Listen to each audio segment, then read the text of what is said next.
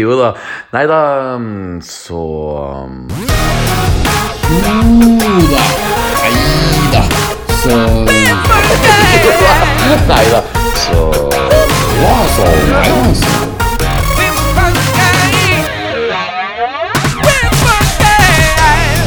Jo da. Nei da, så Jo da. Nei da. Så Jo da. Nei da, Mine damer og alle dere andre, hjertelig velkommen til episode 29 av vår uimotståelige Star Wars-podkast. Jo da, nei da, så Uimotståelig i den forstand at vi har over 1000 lyttere hver uke. Altså, jeg vet, ikke, jeg vet ikke hvem alle dere er. Kanskje halvparten av dere er bare russiske hackere som ikke er mennesker engang. Men det spiller ingen rolle. We love you all. I dag så skal vi snakke om den tredje episoden av The Bad Batch, men også litt om hva annet som lurer seg rundt på Disney Plus sin deilige Star Wars-knapp. Det må sies at vi er ikke sponsa av Disney på noen som helst måte, men hvis de noen gang tar kontakt med oss, vel, vi kaster dem ikke på dør, for å si det sånn. Because we freaking love those guys. Podkasten vår er derimot sponsa av godthall.com, og på deres webside så kan dere kjøpe Yoda Neida så merchandise, og ryktet skal ha det til at hvis du kjøper vår T-skjorte, så vil ditt sosiale liv faktisk bli bedre. Altså, det kan jo umulig bli verre. G-O-D-T-H-A-I-L-L.com der, altså.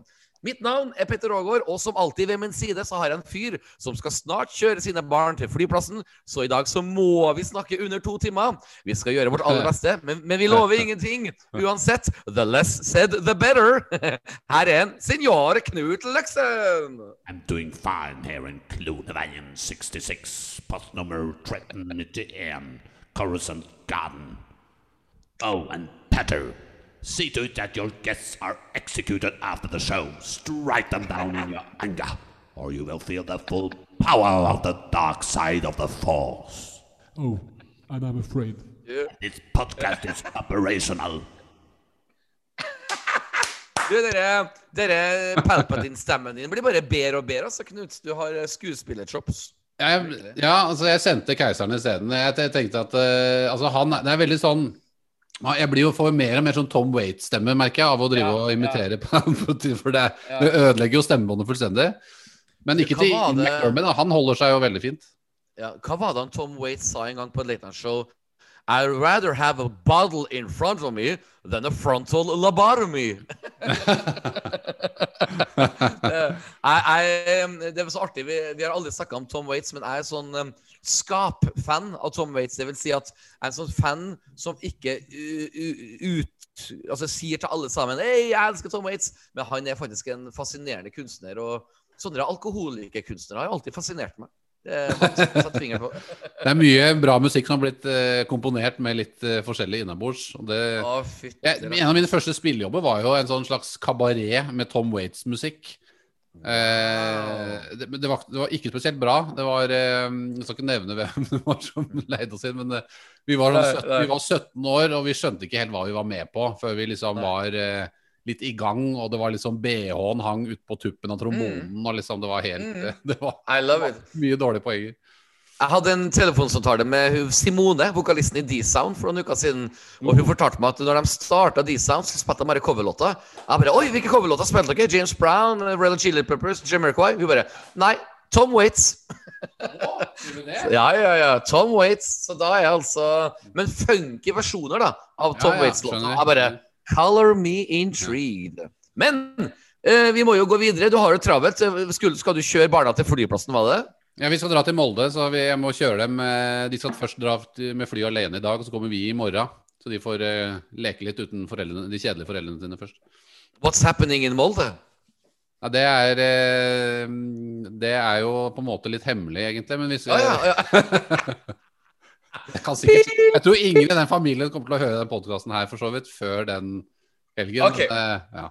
Vi, vi, vi, lar det ligge der. Du, Knut Løksen, i dag så gleder jeg meg veldig til å prate om The Bad Batch. Mhm. Fordi jeg, i all beskjedenhet, har gjort hjemmeleksa mi. I will blow you away.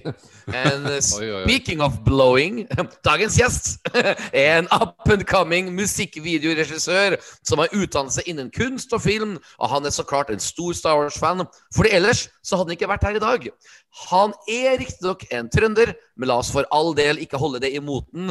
Altså, Jeg kan si mye fint om trøndere, altså. Jeg kommer ikke på noe av farten. Men iallfall, ønsk velkommen til vår podkast, Mr. Håkon Spillum Johnsen! Tusen takk, tusen takk. Be careful not to choke on your aspirations, Håkon Spillum Johnsen. Hei sann, Håkon. God dag, god dag. I dag må vi snakke veldig fort hele tida, for at uh, vi må dra om to timer på, til, fly, til flyplassen. Går det, det, går det bra? Ja, det går uh, veldig fint, det. Ja. Du, eh, vi må jo altså, Vi syns alltid det er stas å ha en Star Wars-fan som gjest, og spesielt uh, du blir spennende, for du jobber jo faktisk og har studert kunst og film. Kan du fortelle, fortelle oss litt om din utdannelse? Ja, jeg gikk to år film. Da fagutdannelse da, på Høgskolen Kristiania. Ja. Eh, så altså, det er jo på en måte det er jo ingen sånn eh, spesialisering i noe. Det er jo på en måte to eh, sånn generelle år da, i filmproduksjon. da. Mm. Så, så før den tid så gikk jeg jo medier og kommunikasjon. Det var liksom da ting begynte å eh, gro, da, altså spiren for eh, film og foto og altså visuell, Mm. audiovisuell kunst da, Hvor, Ja. hvor lenge siden er det du gikk der? på På høyskolen. Ja, på Høgskolen i Kristiania- Kristiania? Jeg gikk ut i eh, 2019, da. Ja. Så jeg var, jeg var, vi var siste kullet vi i eh, Trondheim. Jeg nå- underviser, jo, jeg underviser jo litt der, i, eh, Ja. i Star Wars. Eller Nei da, jeg gjør ikke det. Jeg underviser i, i, i piano. Men Ja. eh, det, det, jeg vet ikke om dere holder til i eh, altså Er det Campus Fjæringen det heter? Vi holder til, da. Men jeg vet ikke hvor dere holder til. Det. Nei, altså jeg studerte i Trondheim, da. Ja, ikke sant? Uh, men det, det ble jo lagt ned. Uh, den avdelinga ble jo lagt ned uh, da vi gikk ut i Ja. 2019, så Hva, hva, var, var dere så dårlig? Alles let's just close this shit. Nei da, sorry. Dårlig vits. Ja. Det var, men det var, det var sikkert eh, fine år, vil jeg tro. Ja da, eh, det var veldig fine år. Og eh, blir jo kjent med flere som eh, har samme interesse, og eh, knytter kontakter òg andre plasser. Det var jo folk som gikk eh, 3D-animasjon og musikk og sånn. Ja. Så man får jo eh, litt eh, kjennskap til dem som jobber innenfor det også, da. Det, det som jeg er nysgjerrig på, Håkon, er jo da, eh, som den Star Wars-geek som jeg er eh, Hvor lang tid tok det før du begynte å snakke med dine medelever om dette fenomenet Star Wars? ja Det tok ikke så lang tid eh, på, eh, i første året. Så hadde jeg en analyse da, av scene, og da skrev jeg jo om den uh, eh, grottescenen eh, i eh, Empire. Oh, Eh, så ja, nei, altså, så den eh, Star Wars-diskusjonen, den eh, kom jo ganske tidlig, ja, spesielt etter The Last Jedi. Da var det mye mm. Da var det, Da var det slåssing i gangene. ja, det var litt uh, slagsmål da, ja. Um, så, som, jeg nevnte tidligere, som jeg nevnte tidligere i denne podkasten, så har jo jeg gjort i all beskjedenhet ganske bra research til dagens uh, episode. Og når du nevnte denne grottebiten din, så er det jo faktisk litt artig. Det er litt, det er litt poesi, det. For at det er jo faktisk en liten grottescene også i den episoden i Bad Batch som vi skal snakke om nå. Og det er overraskende mange likheter med den scenen som du faktisk har eh, gjort litt research på, da, på mens du var student. Så det, det må vi komme tilbake til. Men vi må jo spørre deg, Håkon, før vi starter å prate om The Bad Batch, hvordan oppdaga du Star Wars eh, fra starten av? Som de fleste så var det jo i barndommen. Eh, nå er jeg av den generasjonen at jeg vokste opp med prequels. Så det var jo rett Ko- ko- kondo Kondolerer. Ja. uh, så eh, Nei da, så det starta jo med Vi så vel det var Attack of the Clones og Phantom Menace. Det var vel rett før uh, Revenge of the Sith kom ut. Eh, da spilte vi jo mye av de Lucas Arts-spillene, da. Battlefront og, og sånn der. Og det Revenge of the Sith-spillet. Jeg vet ikke om dere har eh, prøvd det? Nei, jeg har ikke testa så mye av de eh, Det Fra den tidsepoken så er det stort sett Det er liksom Nights of the Old Republic og så er det 2D-strategispillet Star Wars Battlegrounds. Det var jo veldig prequel eh, uh, tungt, da. Det var jo, du kunne spille Ja. Gungans og Trade Federation og masse forskjellig. Ja, jeg var veldig fascinert av det spillet, for da var det jo sånn alternative Alternativ slutt på Revenge of the Sith, oh, ja. hvor uh, når Anakin hopper, uh, så dreper han Obi-Wan isteden, og så tar han keiseren. og Oh. Ja, det var, det var sånn Oh shit, tenkte jeg hvis det hadde vært en uh, film, da. Eh, That's pretty dark. Og Padme overlever, eller? ja, det vet jeg ikke jeg. Jeg tror jeg døde likevel, ja. Men det er det ikke. Ja, det var synd. Husker Ja, ikke det var alle synd. detaljer, men eh, Men dør Men to så, ja. ganger. Både i filmen og i spillet. ja. Men Eh, um, uh, Unnskyld, jeg skulle bare si um, Selv om du oppdaga Star Wars i prequel-æraen, uh, hva er din favoritt-Star Wars-film? Empire Strikes Back. Mm. Korrekt. Nei, men det er altså Jeg har jo på en måte stussa litt Altså etter sequels og, eh, og spin-off-filmer, så er det sånn her eh, Ja, på en måte Rogue One og Last Jedi jeg, jeg føler jeg er litt i samme gata kvalitetsmessig. Ja, enig. Men de har på en måte ikke det lille ekstra eh, Empire har, da. Nei. Den ekstra dybden og lagene i karakterene. Mm. Eh, Mm. Ja. Så eh, nei, jeg må nesten bare si Empire. Det, Det er jo en liten link mellom eh, Det er flere linker egentlig til denne episoden som snakker snakke om, og Empire Strikes Back. Ja. vi har jo Ja. jeg, jeg kan jo spare det til etterpå, sånn at Petter får Åh, eh, brife med researchen sin. ja, ja, ja, ja. Du får en Jeg- jeg- liten usunn kløe bak der nå, jeg ser det. Jeg, jeg har en liten jeg, kan gi et lite hint. Jeg skal si tre ord. The Hero's Journey. Det er alt jeg skal Ja. Si. Ja, det òg. Ja, jeg har en annen nå i tillegg. Ja. Å, så artig. Jeg, du, jeg kjenner at jeg gleder meg skikkelig til å prate om episoden her. Sånn, jeg, jeg tror jeg gleder meg mer til å snakke om den lille episoden her enn noen av de filmene som vi snakka om for noen måneder siden. Så Ja, ja, ja. der har du, der har du meg. Men vi må gå videre, Håkon. Har du en favorittkarakter i Star Wars-universet? Ja, det er Han Solo. Eh, jeg har jo sagt eh, Mando tidligere, men før det så var det jo Han Solo, så nå har jeg gått tilbake til han igjen. Mm. Eh, for det er jo litt sånn etter Mandalorian kom ut, det var litt hype, og da så var det liksom Ah, det er Mando. Når du måtte lar Uh, Lar det hvile litt, da. La hypen få uh, roe seg ned. Uh, og, og så så jeg opp originaltrilogien igjen og innser jo bare at Han Solo er jo de, definitivt favorittkarakteren. Du liker pirater og skurker. Ja, Ja. det kan man si. Så du har mye sånne Leia-damer som eh, hopper etter deg på disse filmskolene? Ja, det, Sånne Leia-cosplay-damer? Han, han, han går så lei av dem. Oh. Ah, ja. Da må vi fyre av.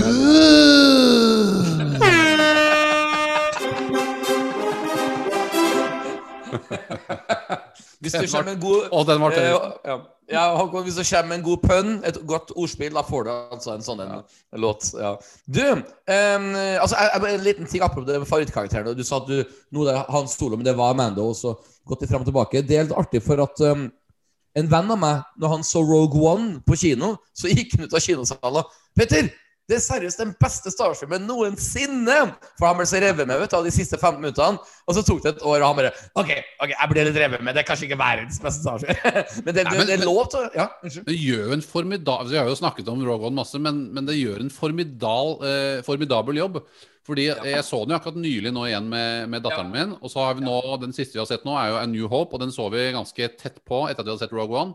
Og det slår meg hvor Altså, Rogue One skal på en måte både være en, en, en selvstendig god film Ja, den er veldig hektet på på New Hope og hviler jo på resten av på en måte sagaen eller på en måte universet på et vis. Men den gjør altså de to jobbene så bra. Når vi gikk inn i A New Hope, så hadde vi så mye energi med oss fra Rogue One, og så mange morsomme ting som skjer i A New Hope som eh, spiller på det som da akkurat har skjedd rett før i Rogue One. Da. Så det, Ja. New Hope har, selv om det er en helt annen eh, hva skal jeg si, filmskole på en måte i tempo og liksom driv enn det Rogue One er jo en moderne film liksom med mye høyere tempo. Eh, Ja. Så er det liksom Så hører de veldig godt sammen, og du får, du får mye mer payoff og mye igjen for mye av det som skjer i A New Hope. da Uh, og det, det slo meg nok en gang altså når jeg så den på nytt igjen nå, hvor gøy det, hvor gøy det var. Det, det, er veldig vakkert sagt, Knut. Eh, ikke bare er jeg 100% enig, men jeg kan også legge til en liten ting til. Og det er at eh, når Disney tok over Star Wars, så var jo The Force Awakens-hypen ganske stor. Folk var stort sett fornøyd med The Force Awakens. Og så et år etterpå så kom Rogue One, som også er en bra film. Og da husker jeg veldig mange da, tilbake i 2016 var sånn Ja, den er bra, men uh, den mangler litt sånn og mangler litt sånn. Folk begynte liksom å nitpikke med en gang. Men nå, du vet, seks år senere, så har det på en måte disse Disney-filmene uh, landa litt, og så folk skjønner Oi, Rogue One var jo faktisk eh, det er en av de bedre av de, av de nye. Du vet sånn. Ja, ja, ja. Så, så, så, det, det, den har til og med fått den den effekten at folk går tilbake til den i ettertid og tenker Ja, steike, man ja, vi, Kanskje vi fokuserer litt for mye at uh, de kineserne hadde for dårlig character arc. Ikke sant? Sånn type, type. Men nå som ser den på nytt, så er den faktisk en, eh, en, en film som vokser på deg. Og det tror jeg for øvrig også Solo kommer til å bli. Og nok en gang, eh, det vi skal snakke om i dag, episode tre Bad Batch, er det faktisk noen Rogue One-referanser der også som jeg gleder meg til å dele med dere. Så det, mm, så det blir skal jo, vi må også takke John Knoll for at Rogue One Ja. ble til. Det, er jo selve, det tror jeg vi glemte å si når vi snakket om Rogue One. John Knoll Ja. det er jo en av disse her som jobber med, med, med det visuelle, tror jeg, og spesialeffekter og sånn, hvis jeg ikke husker helt feil. Han Mm. var den som kom opp med ideen til Rogue One sånn helt fra scratch. Som bare Ja. lagde noen sånne grove skisser og noe, noen story treatments, eller hva det var for noe. Det var noen, bare noen sånne enkle, Ja. grove ideer, liksom. Ja, og Og, han eh, sto også bak Photoshop-softwaren. Ja, ikke sant. Ja. ja, ja, ja. Eh, kan, kan du gjøre klar den pønn-lydfilen din? Man kan jo på en måte si at John Knoll er knall. Men,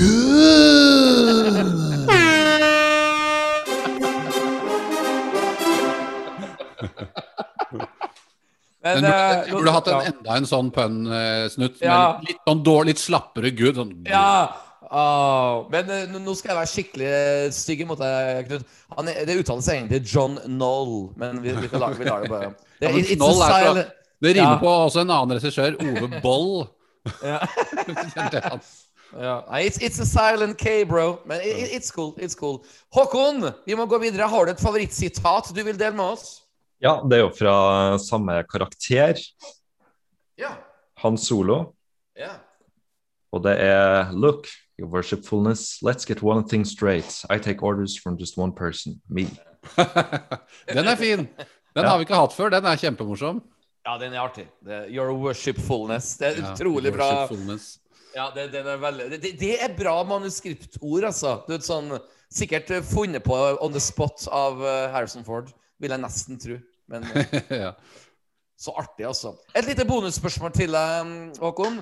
Av um, alle disse nye TV-seriene som er på vei til Disney Pluss, Andor, Obi-Wan, Boba Fett, Lando, The Acolyte, hvilken TV-serie gleder du deg mest til, og hvorfor? Jeg gleder meg mest uh, til Obi-Wan-serien, og uh, det er fordi at uh, Vel, han er jo høydepunktet i prequelsen, og uh, er jo blodfan av Ewan McGregor. Får aldri nok Ja. Ewan McGregor. Uh. Så det er, litt, det er sånn her, ja. Uh, Boba Fett-serien er selvfølgelig uh, hypa for den, ja, men Obi-Wan der bare Der er det så mye potensial Ja. for å gjøre ting riktig, men også veldig mye potensial sikkert for å gjøre ting feil. da. Altså, jeg, jeg, jeg tror nok at eh, det, kanskje det blir litt sånn splitt der også, vi får nå se. da, så Mando har nå hadde eh, klart det veldig bra, da. Mm. Å bringe alle fans uh, sammen i ett, da. ja. Så jeg er veldig spent på hvordan Obi-Wan gjør det. Og jeg, jeg, jeg håper jo selvfølgelig at det ikke blir den her uh, uh, At det blir sånn At det er en kontinuerlig historie. At det ikke er sånn som Mando, som har veldig mange episoder hvor ja, vi lander på en planet, og så, må vi, og så Ja. møter vi en konflikt vi må Ja. løse, og så drar vi igjen. Og så er vi ferdig der.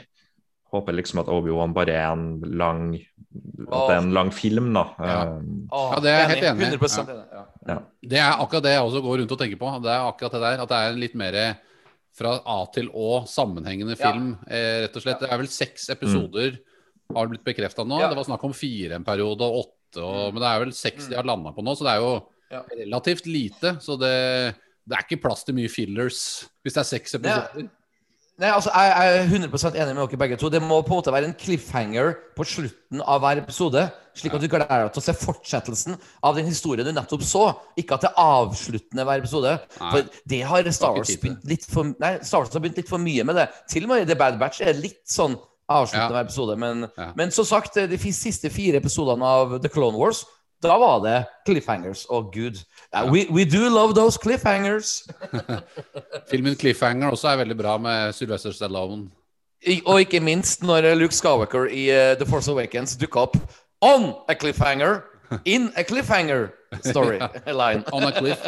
Men, On a eh, cliff, ja. det, også, det svir jo også noen rykter om Apropos Bobafett, det svir jo liksom alltid disse ryktene Og jeg vet ikke om dere tror på dem, eller hvor mye hold det er i dem. Men eh, dette her med at Mace Eh, skal dukke opp igjen i Bobafett-serien det har jeg en sånn det er sånn fan-våt drøm som driver og svirrer rundt på nettet. Fordi at, eh, nettopp fordi at Mace Windu var jo den som tok livet av ja, Kall det faren da, til Bobafett, Jango Fett. Oh, I, I liked it. I like where you're going with this. Og på en måte det faktum at eh, Samuel L. Jackson, eller Mace Windu, er jo den karakteren, eller den Jedien, som ikke helt så utfallet av hvordan han døde. Ja, han ble kastet ut av vinduet i en Hvor mange etasjer oppe er Palpatine? Det vet vi ikke. Det, har vi, det finnes sikkert en faktabok som beskriver det. Men, men jeg tror ja. det er mulig å omgå det. Det er noen som mener også at George Lucas og Samuel L. Jackson har sagt at han ikke døde. Selvfølgelig vil jo Samuel L. Jackson si det. Han er jo interessert i å, å spille mer. Og han har jo veldig lyst til å komme tilbake, da. Så hva tror dere? Eh, Jeg, jeg, jeg tror følgende Jeg, skal svare med et spørsmål. Har dere sett filmen The Princess Bride? En klassisk film fra 80-tallet. Hvor det er en sånn en My name is Enrico Montoya. You killed my father. Prepare to die. Sånn. Jeg ser for meg at eh, Boba Fett kan komme, da. Gå bort til, til um, Samuel L. Jackson, Mace Windu, og bare si My name is Boba Fett. You killed my father. Prepare to die. Ja, men ikke sant, Tenk deg, tenk deg ikke sant, Bobafett-serien. Tenk om den er en sånn revenge-movie-greie. Den også er jo Jeg vet ikke hvor mange episoder det skal være, men jeg tror ikke det heller er en sånn type Nei. tolv-episoders sak. Det skal være sånn limited series. Ja, stemmer. Ja, litt det samme som Obi-Wan. Tenk om det bare er én eneste lang eh, revenge-movie à la liksom Judge Dredd eh, 2012, eller Ja. Tenk deg hvor fett det hadde vært, da. Ja, ja. Oh, hva, hva sier du, Håkon? Do you like this? Ja, så det er jo eh, Det er jo på en måte besøke gamle karakterer. Eh, fan i meg ønsker det veldig å liksom se Mace Window Ja. igjen. Samtidig så er jeg litt sånn Jeg er- litt splitta på det. Um, Det er jo skummelt hvis man ikke gjør det bra nok, så blir det jo bare sånn klistra ja, Ja, ikke sant? Og så blir jeg litt sånn her eh, eh, så jeg synes at Disney må ha kanskje litt mer guts, da. Nå har vi jo gått tilbake De har gått tilbake til, til Darth Maul. Gikk tilbake til eh, Boba Fett igjen. Ja. Han overlevde, så jeg syns på en måte at hvis det funker, så er det greit, men eh, det blir kanskje litt mye hvis Mace Window skal komme tilbake, da. Så, Ja, Og det er, jo en større, ja, det er jo en større forskjell når du tar tilbake noen i live action. Hvis du tar tilbake i animasjon, men sånn som du gjorde med Maul Ja, han hadde en liten cameo i, i solo, men den var så liten at det telte nesten ikke. Men når de tar tilbake animasjon, så er det ikke så mange som like mange som ser animasjonen, så da får du ikke den impacten. Liksom. Hvis du tar den tilbake i live action, da vil alle få vite om det. Og da, da må det gjøres bra. Jeg, jeg ikke for å være sånn bedreviter. Jeg, jeg skal prøve å være det stikk motsatte, faktisk. Jeg skal gjøre litt narr av meg sjøl, for jeg er jo nå en 42 år gammel eh, sjel som har blitt ekstra glad i nostalgi. Så jeg, jeg, vil, jeg vil at alle skal komme tilbake i Star Wars. For jeg, jeg, mener ikke å være stygg mot Disney, men jeg, ser ikke for meg at de har baller til å gjøre det som Håkon ønsker, og skape nye karakterer og nye historier. Det, for det, lisensen til Star Wars det er det som de har betalt milliarder av dollar for å uh, ei, det er jo det å ha alle disse karakterene som folk allerede kjenner. Og vi lever i en veldig sånn nostalgidreven eh, verden, eh, spesielt eh, i Hollywood. Og da tror jeg at Samuel L. Jackson, som er en av verdens Kanskje, kanskje til og med universets mest kjente skuespillere.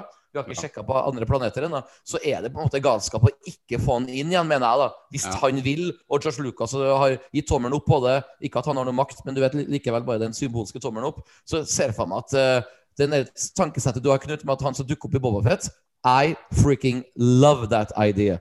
Bring on, bring on the purple! Det er, tre- tre- det er et trekkplass. Ikke sant? Hvis de, det, Ja, det, ja. det vil jo ikke være så altfor lenge til vi får en Bobafett-trailer heller. Jeg tipper jo i løpet av sommeren eller sånt, og så har vi nok muligens et eller annet, og det er ikke lenge til. Vi sitter i fanget med det. Og tenk deg om den traileren ender med en sånn Mace Windu-tease. Det hadde jo vært oh! Og så- og så- og så- Men så må jeg også forsvare Håkon litt. For at, uh, hvor mange år er du, Håkon? Er du i slutten av 20-årene? Sånn, eller? Jeg blir uh, 24. Ja, herregud. I, begyn I begynnelsen av 20-åra. For det er egentlig, jeg, jeg skulle til å gjette 25, skjønner du. For jeg husker når jeg var 25, da var jeg bare sulten og nyskapende og skulle gjøre nye ting. Og nå er jeg 42 år og har landa med kid og liker å sitte og ha Star Wars-podkast, liksom. Og da blir jeg bare glad når det kommer eh, ting som jeg kjenner igjen. Så, så, sånn som episode tre av Bad Batch, Bad Batch, som vi skal snakke om etterpå. Det som gjorde meg glad i å like den episoden, er jo at det er så mange referanser til tidligere Star Wars-ting. Men det, det skal vi komme tilbake til. Så men, men jeg liker at du liker Obi-Wan, at det er det du gleder deg mest til. Det er jo så klart um, uh, Hvilke ord skal jeg bruke, Knut? Obi-Wan er jo på pølsa. Ja, ja, det er jo det. Rosin i pølsa. Uh, noe som for øvrig ikke er så godt å spise rosin i Midichlorian i grøten. Du, hvem er det som finner midichlorian i grøten denne jula? Ja. Du, Håkon, vi skal nå snart begynne å snakke om episode tre av The Bad Batch. Men Ja. vi må ta en liten personlighetstest på deg først. Det er altså slik at Jeg skal si to ord. Du må velge én av dem. Og hvis du sier feil, da må vi bare avslutte podkasten. Så må du bare uh, logge av. Men uh, jeg, har trua på deg. Er du klar for eh, personlighetstest, Håkon? Jeg er klar. Hit it, Knut. Now Yoda made us So quiz. Håkon. Pinnekjøtt eller ribbe? Ribbe. Trøndere, vet du. Pepsi eller Coca-Cola? Oi. Det er sjelden at man har, har tenkepause på den. ja, for jeg veksler imellom, vet du. Oi, oi, oi. God. You're, jeg, jeg, må, jeg må nok si Cola. Det er all time eh, friend. wow. Veksle mellom Pepsi og Cola. I, I never met somebody like you before. Nei, jeg liker begge. Så Wow.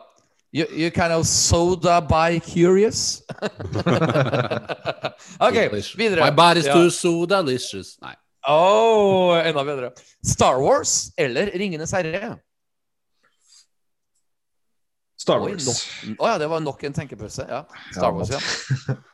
Du, du, det- Hva er Ringenes herre igjen? Hva er det nå? Ringenes- Ja. Jeg, jeg, jeg, når jeg stiller meg sånne spørsmål, så bruker jeg ikke å ha lang tenkepause, for det gjør så vondt. Det gjør så vondt i hodet mitt å tenke. Eh, nei, han Produsenten min i studio sier alltid, alltid 'Å, jeg har en idé!' Og han bare 'Å, gjorde det vondt?' Med mindre det er russiske Ringenes herre, da, så Ja, ja, ja. Oh, den, Den, den, jeg, jeg gløtta litt på den her om dagen.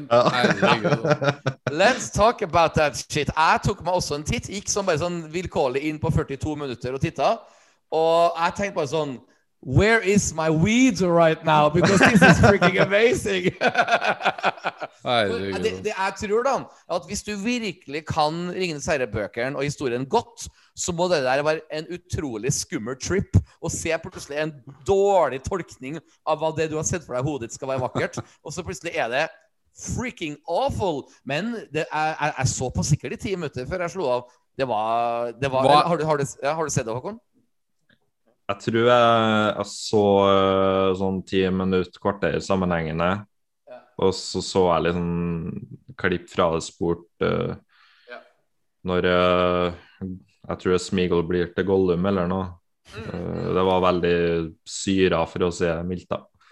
Og så gikk du rett på Holiday Special etter den. Ja, ja, ja. Ja, der er det samme. Jeg Jeg bare skjedde litt sammenhengende. Litt samme Eh. sjanger, på et vis. Det, altså, ikke, for være, ikke, ikke for å være for dyp med dere, men det som jeg oppdager med internett og kommentatorer og sånn, er at det jeg oppdager med meg sjøl, er at jeg, jeg er som sagt 42 år. Det er jo relativt voksen, så jeg føler jo jeg er mye yngre, så klart. Men likevel så har jeg begynt å få sånne 42 år-ish tankemåter. For jeg merker at jeg blir veldig lite irritert på ting. Eh, for jeg ser at folk blir irritert over hvor dårlig det var, hvor teit det, det YouTube-klippet der var. Og jeg merker at jeg bare flirer og syns alt er underholdende. Og skal, jeg har verdens lengste lunte, på en måte. Og eh, jeg, jeg skjønner ikke hvorfor folk gidder å irritere seg over ting. Men jeg tror det er bare fingrene på tastaturet som er mer sint enn egentlig hva som foregår oppå hodet. Hva tror du, Knut? Er jeg inne på noe? Jeg tror at du Du er på en måte omvendt av andre mennesker. At som blir, blir sure, gamle gubber. Og du blir, du blir en sånn, derre- en sånn lykkelig gjøgle, sånn Ja. syvende far i huset på gamlehjemmet som sitter og bare koser deg og har standup hele dagen.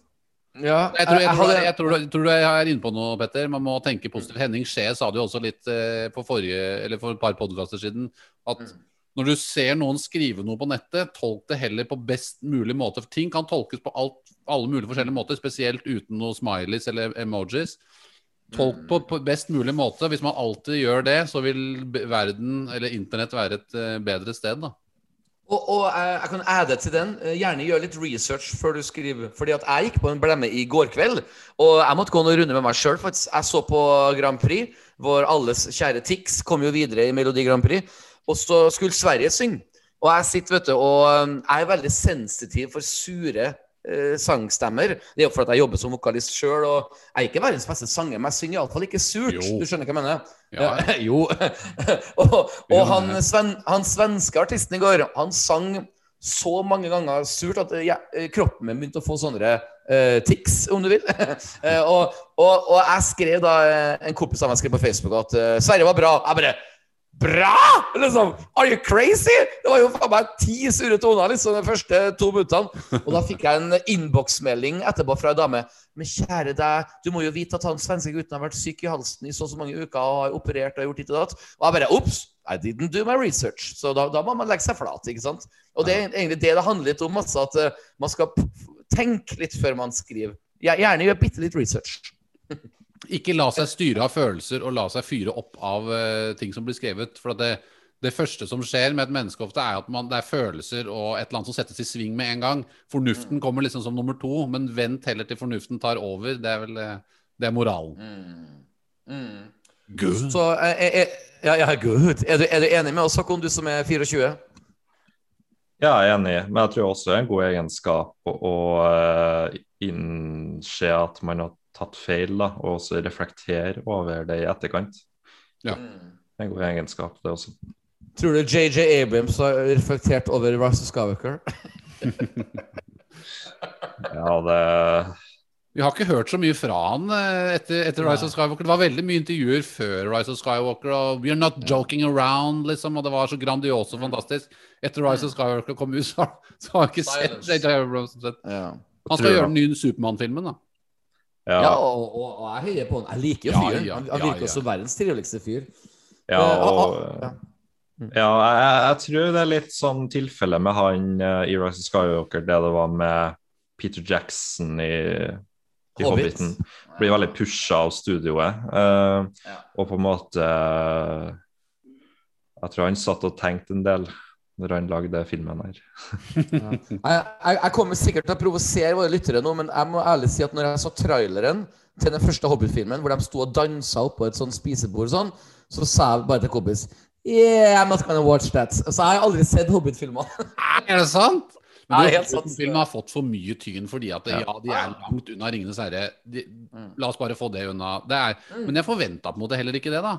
Hvis du sammenligner Hobbiten-filmene med alle fantasy-filmer som har kommet ut mellom 2000 og 2021, så er de faktisk ganske bra. Mm. Det vil jeg tørre. Det vil, kanskje Treeren var nok den svakeste. Min favoritt er jo øh, Er vel kanskje toeren. Den er ganske kul. Det er scenen med Smeagol Nei, hva sier jeg? mener, altså, hva heter den dragen igjen? Spilt av Benedict Cumberbatch. eh. Hva heter den dragen igjen, da? Den eh, som de liksom eh, eh, Smog.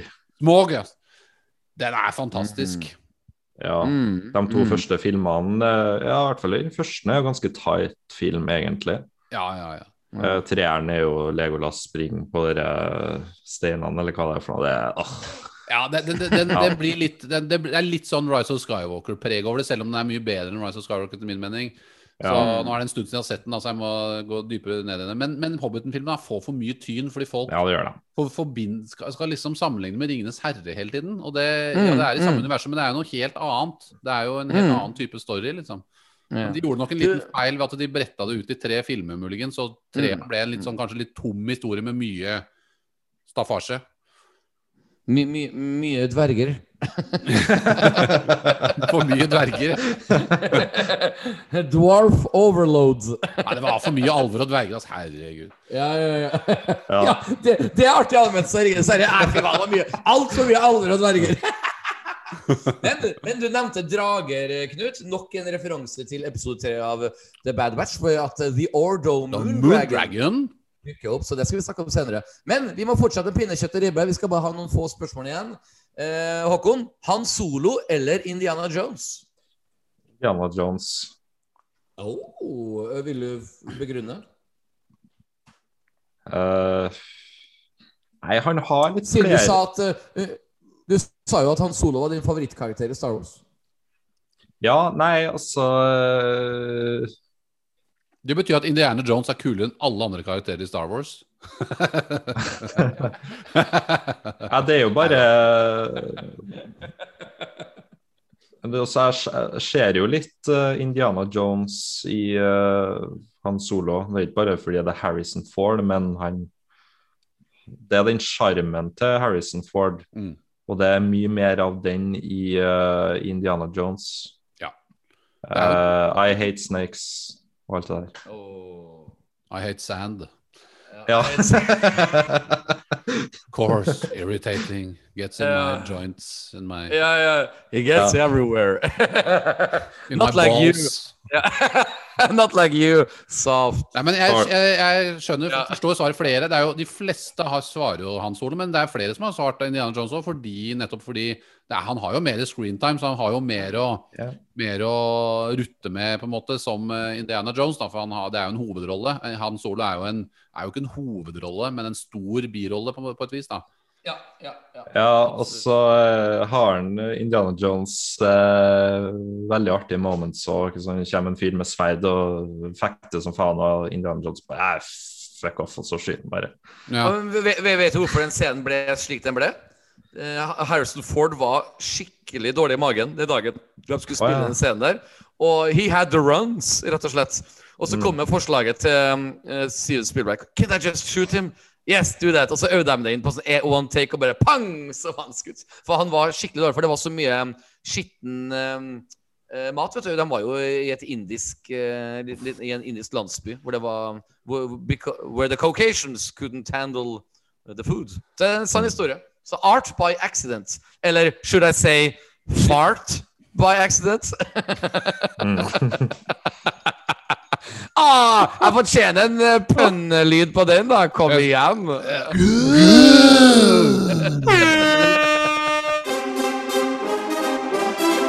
ja, Bæsjehumor går aldri ut på dato.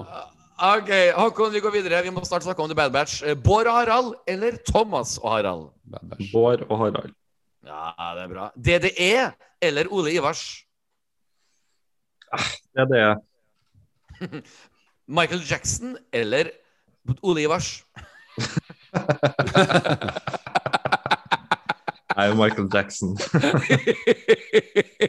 Prequel-trilogi eller sequel-trilogi? Prequel. Ah, vi er der, ja. Ok.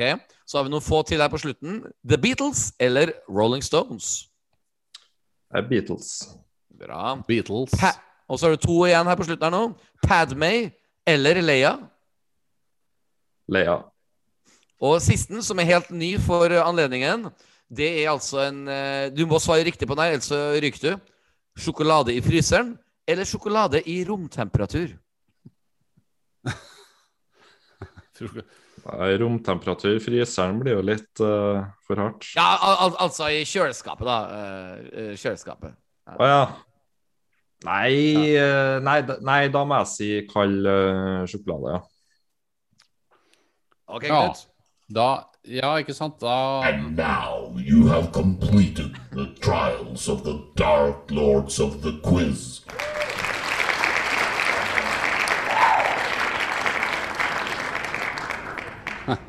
Du, du besto, Håkon, under eh, tvil. Altså, Rett svar er jo så klart eh, sjokolade i romtemperatur. Men vi, vi skal ikke avlyse podkasten. Eller som Hans, eller Indiana Jones har sagt, i rumpetemperatur. Ja. Nei, nå er vi ferdig, nå er vi ferdig med det. Nå er vi ferdig. Um, Knut, nå har du noen analyser av han colaelskende uh, Jeg stussa på at han, han er liksom han, Det er 50-50 cola og Pepsi. Det er, en, det er en slags helt ny, et nytt type menneske, en ny rase vi er, vi er, vi er vitne til her. Det er Or sånn- Han er litt sånn schizofren. Han er, sånn, han er litt bru, brusofren, kan vi kalle at han er, si at han er. Maybe he's a clone. ja. Og så liker han jo Leia, da. Han liker, han liker døtrene mer enn han liker mødrene, holdt jeg på å si. Ja. Det var bra, det var bra, Knut. Du har iallfall bestått, og det betyr at vi skal nå snakke om episode tre av The Bad Batch, som heter for Replacements. Og nå skal jeg blow you guys away. Fordi at Replacements, tittelen, Ja. betyr ikke bare én eller to ting, men det betyr tre ting. Så jeg skal put you guys a little bit on the spot. Um, Håkon skal få lov til å starte. Replacement, Uh, hva tror du tittelen betyr med tanke på episode tre? Nei, altså det er jo rekruttering av mennesker, da. Mm. Det, det, du, du har helt rett. altså Tittelen betyr eh, egentlig det som vi har venta på siden vi først så klona dukke opp i Attack of the Clones i 2002. Altså hvordan vil de bli erstatta? Altså The Replacements. Det er altså Stormtroopers. Innleide mennesker. altså det er på en måte det, Og Knut, det her har, vi, har jo egentlig vi snakka om for flere uker siden. At det her er jo egentlig den mest spennende story-arken i The Bad Batch. Ja. Hvordan Stormtroopersene skal på en måte ta over for clonesen. Så Ja. Eh, var noe du tenkte på du og Knut? At det var på en måte essensen av tittelen tror, Replacements? jeg tror det er hovedessensen. At replacements Mm. uh, har med å gjøre med at vi får sett begynnelsen på at de begynner å erstatte kloner Mm. med De kaller det jo ikke stormtroopers her, da, men de kaller det bare elitetropper, på en måte. Men det er dette her som er begynnelsen på det. Og det er litt som også Henning Skje nevnte for et par podkaster siden, at uh, klonene kommer til å hjelpe til å trene opp uh, disse altså vanlige recruits. da Og det er jo det vi ser litt kimen til her. ikke sant? Altså er, De bruker jo crosshairs eh, som en slags eh, trener for de nye rekruttene. Som det også blir litt, eh, blir litt eh, konflikt i gruppen pga. det også. da Jeg tror også replacement kan ha noe med å gjøre i forhold til at, at eh, Omega sannsynligvis kommer til å erstatte crosshairs. Yes, sir! Yes, sir. Og den tredje tingen hadde jeg i stad, nå har jeg glemt den. Eh, jeg, jeg kan bare si det, det er den mest cheesy, enkle tingen. Og det er jo at uh, they, have, they need replacement parts til å reparere sitt skip. Jo, jo, nå tenkte, men jeg hadde en fjerde, egentlig. da Og det, Oi, er, jo, oi, oi, det er jo det egentlig at Tarkin erstattet The Bad Batch på dette oppdraget til å ta rotta på campen til Saul Guerrera. Så det er nesten det er fire. Vi har funnet flere. det, det, vi har funnet fire. Og, og jeg må bare si, altså Jeg, jeg geeker litt ut nå også, men eh, eh, jeg skal prøve å ordlegge meg rett. Altså, selve episoden som en, som en han... eh, eh, Sorry, hvordan skal jeg si det? Um, altså, eh, for det utrente øyet så kan dette her være en skikkelig sånn terningkast tre-episode. Men for Star Wars-geek så er det så mye snacks eh, i denne episoden her. Spesielt hvis du kan din Star Wars-law og kanskje har lest litt bøker og generelt tegneserier og til og med dataspill. Ja. For her har The Lucasfilm Story Group, eller hvem som helst som har står bak storyen her, virkelig gjort hjemmeleksa si. For i hvert minutt så kommer det noe snacks, altså. Og så får jeg til å tenke, og jeg, jeg, jeg tok meg sjøl i å bli litt sånn um, um, stimulert Ja. av den uh, episoden her. Så vi, vi, altså, vi, kan bare starte med det enkle, da, bare, sånn, bare for å Wrecker. Altså, Den karakteren blir bare mer og mer likende. Altså, du vet, Han savner crosshair. Altså, I can relate to that shit. Altså, Jeg har jo jobba alltid i prosjektbaserte jobber. du vet, Musikaler, band og Alle disse prosjektene jeg jobber med, slutter jo før eller senere. Og then you move on, ikke sant? Og, det, og det, det er alltid de rareste kollegaene dine som du savner mest. Jeg husker han Stein Bull Hansen, en kjent gitarist i, i, Norge. Han har, han har jobba med mye eksentriske folk som Dag Kolsrud og sånne ting. Og han sa til meg en gang at det er alltid de rare gærningene du savner mest.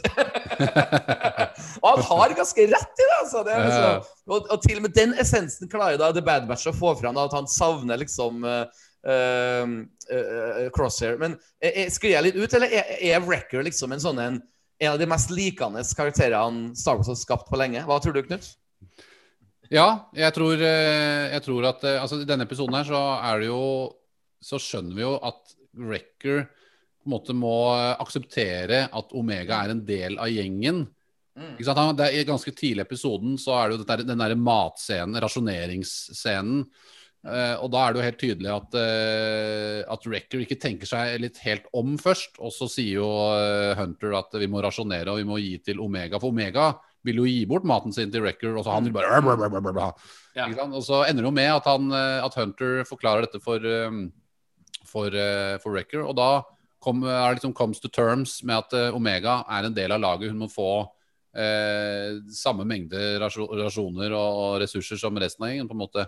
Og eh, jeg, er litt, jeg er litt redd for at Wrecker er en karakter som som kommer til, dessverre, og etter denne episoden her, for han, slår jo hodet sitt. Eh, yes. Jeg tror det er liksom litt more to it, eh, for han yes. klager på det flere ganger. Så jeg er litt redd for ja. at han kommer til Eller den der inhibitor-chipen, eller et eller annet som kommer til å skje med akkurat ja. det. da Så at han ja. kommer til å tørne på et eller annet tidspunkt og klikke litt, og det skjer noe gærent. Eh, du, du, du, er ganske klok. Unnskyld, unnskyld avbryter, men det er akkurat derfor jeg skulle inn på. For at, uh, vi, vi, De bygger opp en til å være en veldig likende karakter, og så kommer det et mørkt vendepunkt veldig ja. veldig snart. For som du sier, han uh, har mye vondt i hodet. Ja.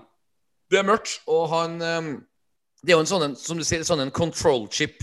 Den fikk jo se vet du, i Star Wars Rebels. Rex snakket, han pekte jo akkurat på det punktet som Wrecker har vondt. Det var jo et sånn ja. um, han Rex i Rebels viste fram da, det her har vi tatt ut vår control chip. Så, ja. eh, Håkon, du er jo relativt ny til Bad Batch. Eh, har du lagt merke til disse elementene av at det er mye fokus rundt disse control chipene? Og at, inhibitor chips.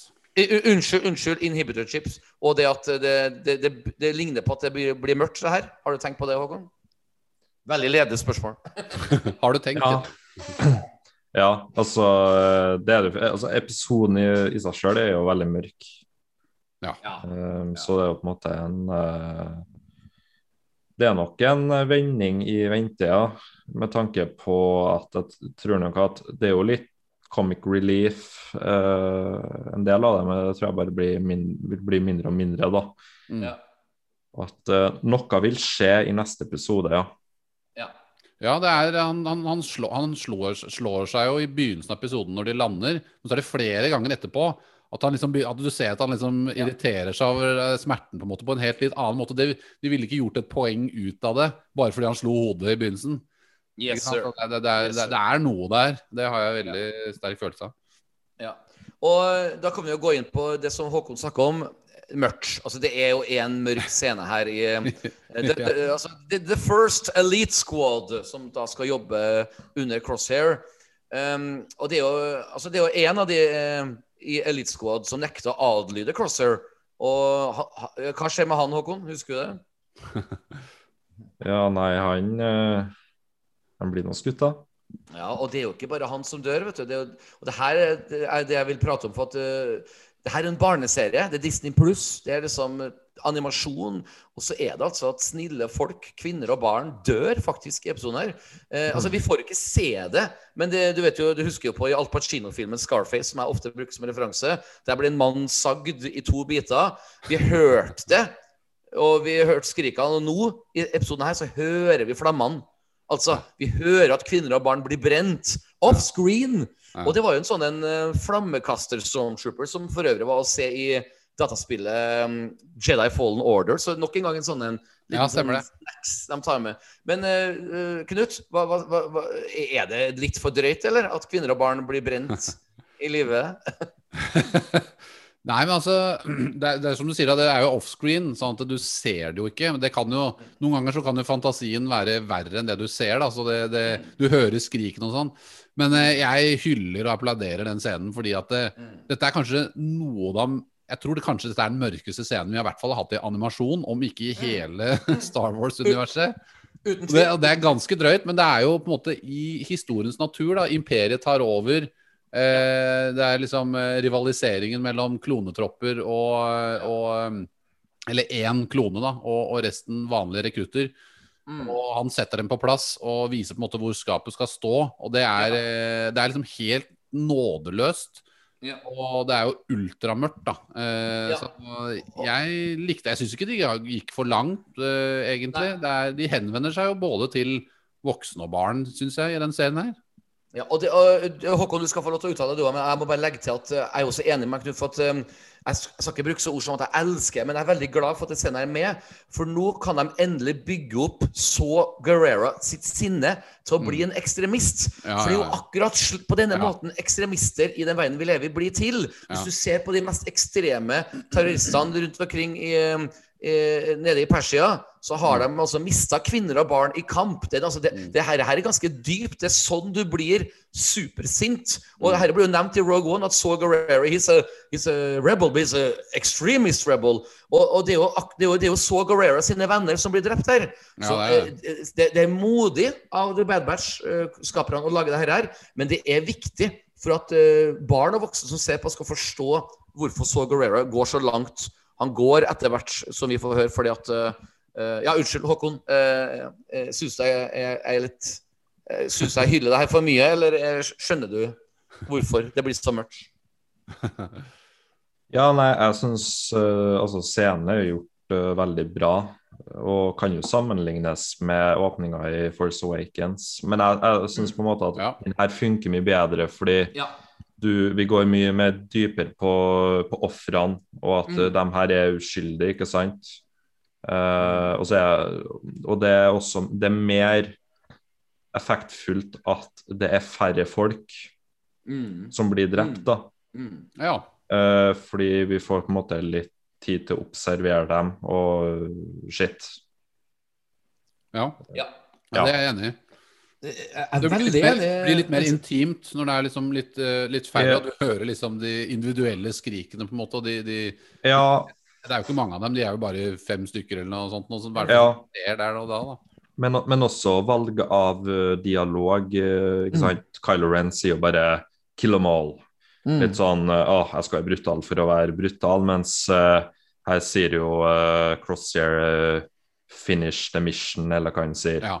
Mm, Det er mm. mer sånn subtilt, men du vet akkurat hva han mener. Mm. Du, for du trenger ikke å liksom bare Uh, du, du trenger ikke å si 'kill them'. Du- Vi skjønner jo hva som er i ferd med å skje. ikke sant? Det er tension-bygging i scenen her. Og hele episoden generelt er jo klippa veldig bra. Det er noe som har eh, virkelig skilt seg ut da, fra de to første. ja. Jeg, jeg, jeg vil gå så langt å si, og nå høres jeg nok en gang ut som en bedreviter, men jeg snakker bare for levra. Den scenen du nettopp beskrev, Håkon, er ti ganger bedre regissert enn hvordan JJ regisserte en lignende scene i The Force Awakens. Og grunnen til det er for at når jeg satt i kinosalen og så The Force Awakens, så ble jeg ikke sånn revet med og satt ut av hvor mørkt det var at alle disse i landsbyen i de første ti minuttene av The Force Awakens ble drept. Jeg bare sånn Let's go on with the journey! Let's meet uh, Luke and Han. Og så, du vet sånn, Jeg lot meg ikke bli revet med. Men, men den scenen her har, har forfulgt meg siden fredag. Og det er jo essensen av bra regi. Så at, Ja. uh, det, veldig bra sagt, Håkon. Jeg hadde egentlig ikke tenkt over den uh, sammenligninga med Force Awakens før du sa det nå, men du virkelig You move on from that scene. JJ er jo egentlig ikke så bra regissør som folk skal ha det til. Han er flink til noen ting, men ikke flink til å skape uh, en sånn sterk scene som, som det, eller, eller mørk scene som det her absolutt er. Så at, jeg, jeg tok, tok meg sjøl og ble satt ut, og tenkt mye på det, og eh, til syvende og sist så endte jeg opp med å like det og forstå det og skjønne hvorfor. For det er jo ganske sterkt. Det er jo en barneserie, det her. ja, det er, det er ganske Eh, drøyt. Ja. Det er ganske drøyt, altså. Ja, for det, er- det, er- det, det er mye skyting og slåssing i barneserier og, og tegnefilmer og sånn, liksom, om det er Transformers eller He-Man. Det er masse vold, liksom, men, men dette er noe annet. Det er litt psykisk terror. Det er, det er så kynisk. Ikke sant? Uh, finish the ja. we have to follow orders. Ja. Vi må, vi må bare gjøre sånn som vi får bedt om. Altså, ja. vi må bruke, vi, uansett hvilke midler vi, vi bruker, så er det på en måte legitimt da, i forhold til hva som er eh, målet for, eh, for imperiet. Og det, det er så kynisk, og det er så mørkt. Og, men det, er jo, det er jo sånn vi må på en måte beskrive imperiet for at vi skal få den der klamme, undertrykkende følelsen, sånn at vi virkelig har lyst til å følge denne historien videre og heie Mm. på The Bad Batch. da, Jeg syns jo at uh, det Bad Batch foreløpig fungerer perfekt som, er nettopp en blanding mellom Clone Wars-serien og Rebel-serien, i form av at du har på en måte en slags intim historie. Altså Clone Wars var jo veldig sånn stor historie. ikke sant? Det var så mange protagonister, mange antagonister, og det er så Plutselig så følger vi Jar Jar der, og så har vi noen missions der med dem, og så bla, bla, bla. Mens Rebels var mer intimt. Du liksom følger den gjengen på det skipet.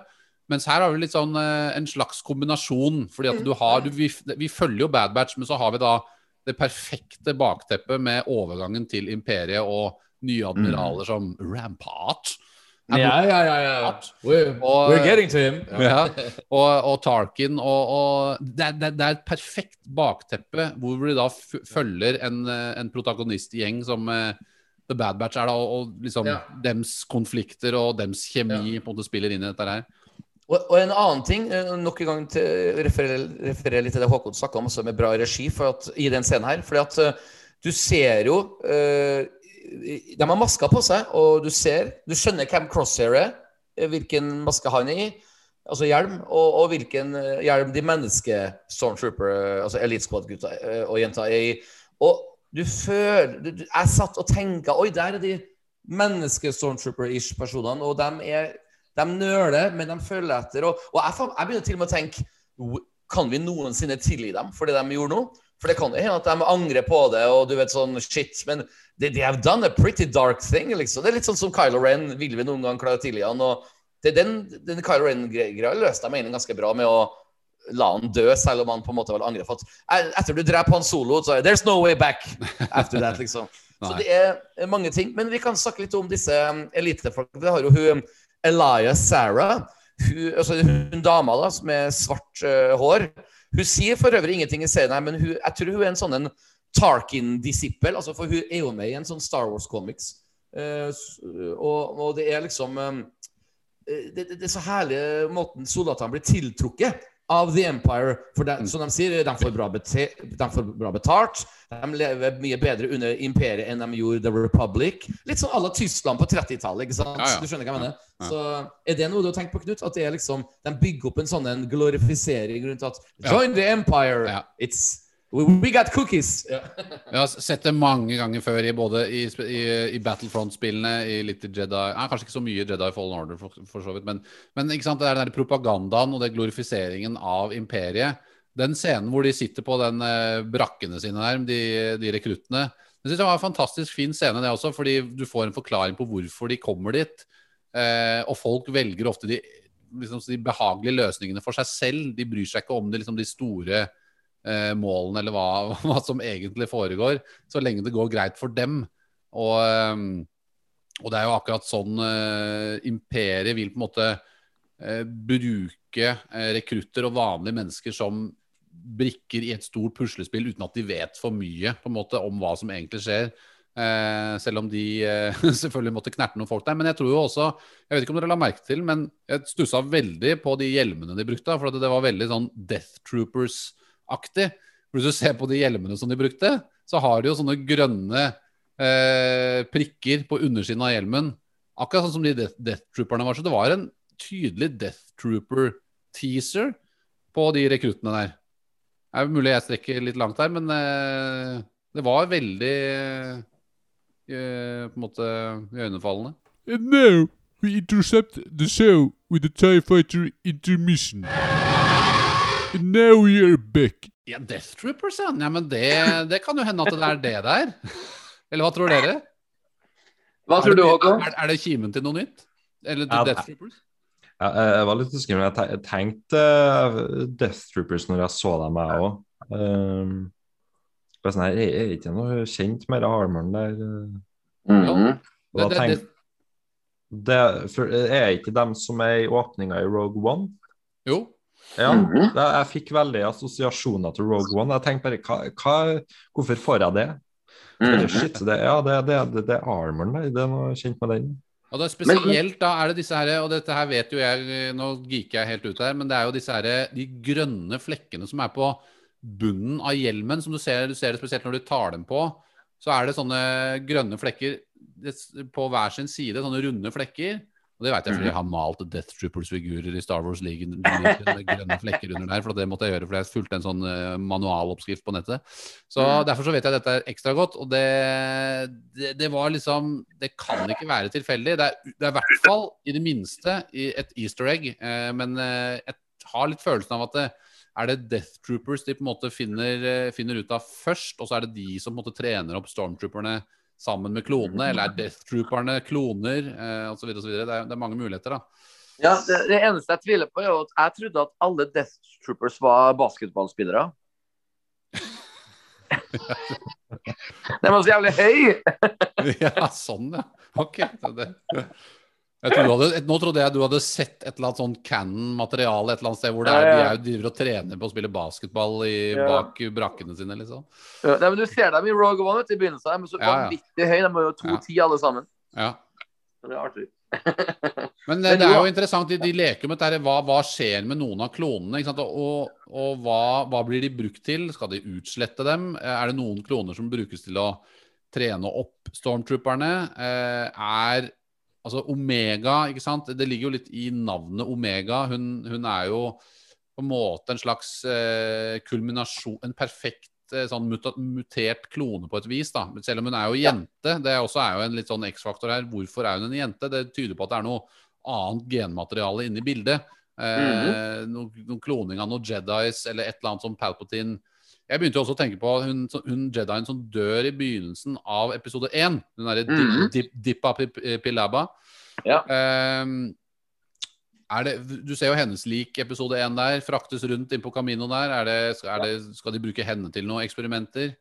Mm. Vil, vil, vil Palpatine Han har jo et lass med døde Jedis han, kan, eh, han har til sin disposisjon nå, som han kan bruke Ja. til å forske på, teste, klone. Eh, for, for å lage kropper som kan Eller klonekropper som kan tåle eh, store mengder med dark side powers, da. Så Yes. Og- det er et eller annet og- her. Ja, det, det er jo akkurat her vi, vi er inne på det, noe av det mest interessante vi skal prate om i dag. fordi at um, Det blir jo nevnt at Jango Fett's DNA is degrading. Yep. Og, uh, og så sier de også They only need one.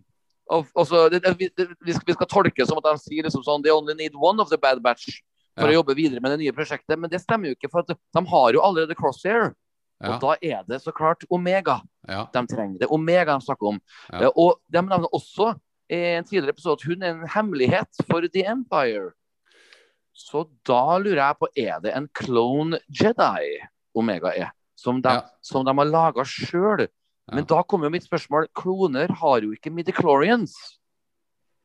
Men det, her, her merker vi jo i The Rise of Skywalker. Palpatine sliter jo med å klone seg sjøl i bra kvalitet. Og Moff Gideon i The Mandalorian trenger jo Grogu sitt blod. Og du vet, Palpatine trenger jo Ray ikke sant, for å bli bra. Så er altså mitt spørsmål da Omega sin DNA, DNA er splisa med Shakti, eller kanskje enda bedre Obi-Wan. Obi-Daddy. Fordi da er jo på en måte Omega Bobafett sin søster og Obi-Wan eh, sin datter. Og da kan jo hun dukke opp i Obi-Wan-serien og Boba Fett-serien. Alt er mulig! Kanskje hun, kanskje hun til og med er en Skywalker. Ti spørsmål der. Vær så god, Knut. Hva, er jeg inne på noe? det var synd at du fikk sagt alle disse teoriene med, med litt dårligere mikrofon, tenkte jeg på nå. ja, ja, ja. Som du hadde gleda deg til.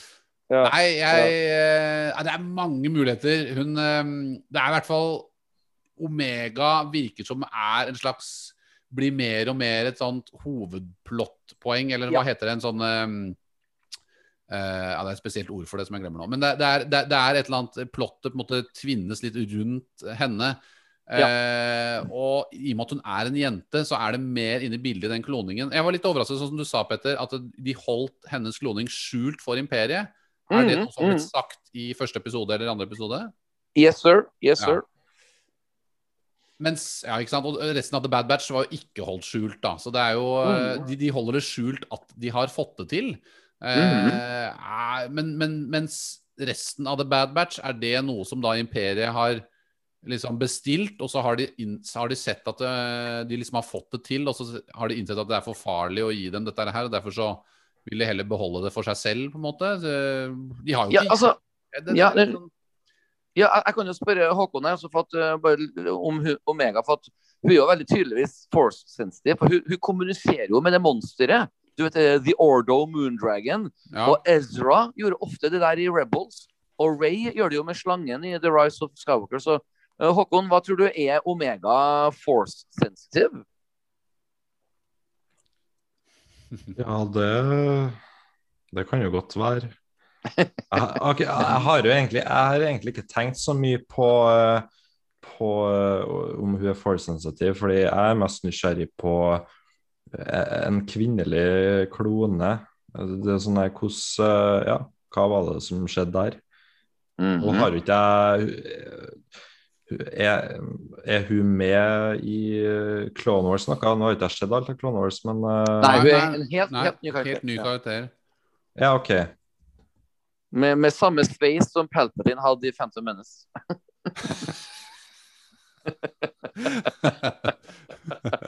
Er det, av, er, det av, er det en av den researchen din? uh, nei, det, det kom jeg på akkurat nå, bare. Nei, Ja, det...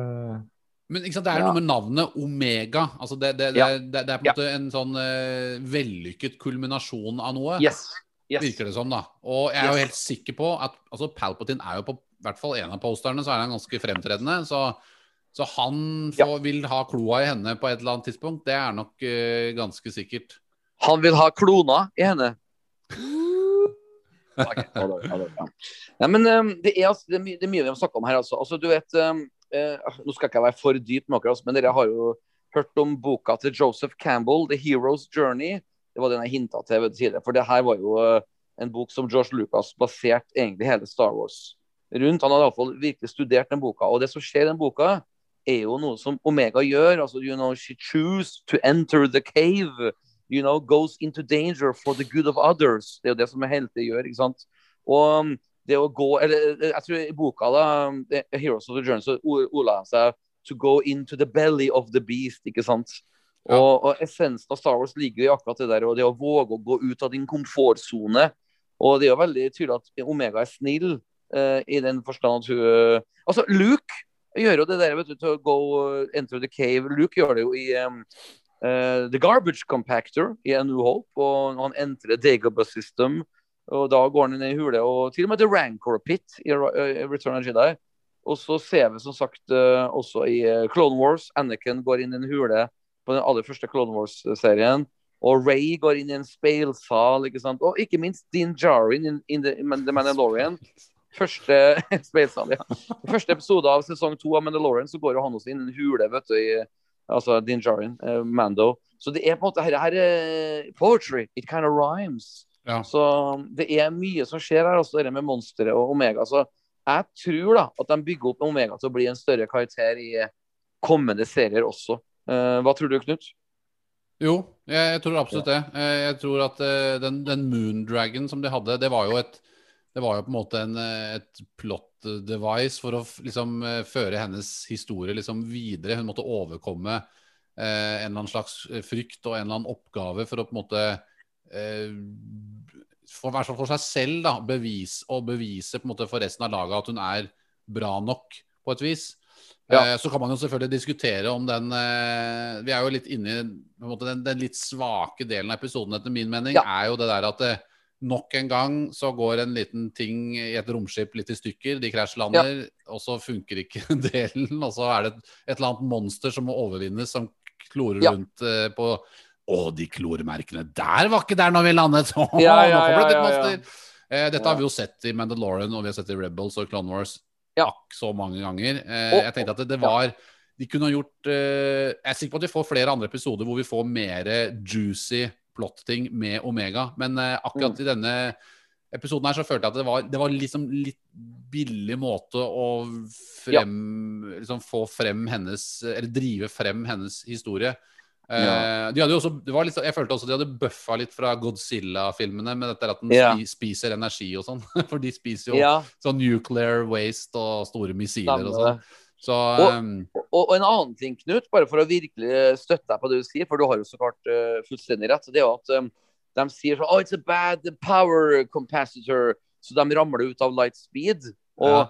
og de lander jo da på en planet. Men han Solo snakker om det her i A New Hope, hvor farlig det er å Ja. ramle ut av lightspeed, for man kan krasje rett i en sol eller en stjerne eller en planet og ja, sånne ting. ja. Så, så jeg tenker ah, ja, kanskje The Force is with them, siden de klarer liksom å For det er jo livsfarlig å ramle ut av lightspeed. ja, ja. Det, det, det, det, blir, det blir nevnt allerede i 1977, liksom. ja, ja, det er det. Men jeg, tror nok de bare hadde litt flaks på, på et vis, da. Eh, Så, Ja. men, men det var veldig, altså, veldig kult utført, de scenene som er altså, frem når de kommer ut av lightspeed. Fin Ja. dialog inni skipet når de krasjer. Og jeg merker jo også animasjonen har blitt veldig bra eh, Ja. nå. Altså Når du sammenligner med de første Clone Wars-episodene og Clone Wars-filmen, så er eh, animasjonen har virkelig kommet seg. Ja, Jeg, jeg vet ja. ikke om jeg, jeg Håkon også, som er litt filmskolert her, er enig i det? Ja, jeg har jo øh, bare sett uh, litt av Clone Wars, da, så veldig tidlig på senest sesong tre eller fire. Ja, riktig. ja.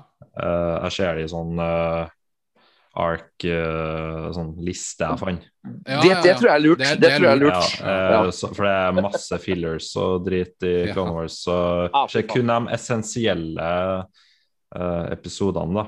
Ja. Ja. Men, jeg, men jeg merker jo selvfølgelig kvaliteten er jo veldig mye bedre, og det er veldig fin animasjon også. Mm. Og så har det jo, men det har jo en stil, da. Ja. Det er Som er veldig fin. Det er, en, en annen ting, da, eh, bare for å virkelig geeke ut da med min eh, research, er jo at uh, i Rogue One så det, Du vet, når hun eh, protagonisten holder på å eh, finne så, you know, du, du vet, disse hemmelighetene eh, til The Death Star, så roper opp sånne masse navn. Vet du, sånn Dark Saber og bla, bla, bla. bla, bla. Og da sier hun plutselig eh, War Mantle, sier hun. Og, og det er jo Project Warmantle, som blir nevnt i episoden her, av Admiral Rampor. Du vet, øh, Han med alle disse Imperial Cold-sylinderne på jakka Ja, si. ja, ja, ja. Og, og det er, så det, her er det Her er, her er Lucasfilm Story Group vært flink til å plukke opp uh, elementer fra Rogue One som er ganske lik i tids øh, Tids Uh, Hva heter det? Time I tids Altså, det, det, det er jo Hvilket ord leter etter, Knut? Timetable? Ja. I- Lik i tid? Hva, hva skjer? Jeg fikk latterkrampe. Oh. Timeline. Ler du av mitt, mitt, mitt svake ordvokabular? Det ble bare Nei, jeg bare, det ble en sånn langør hvor du lette etter ord. Åh. Nå har jeg får vondt i magen. Og jeg har allerede ja, det trent i her skjer jo Åh. bare noen få, få år før Rogue One. Det var jeg skulle si.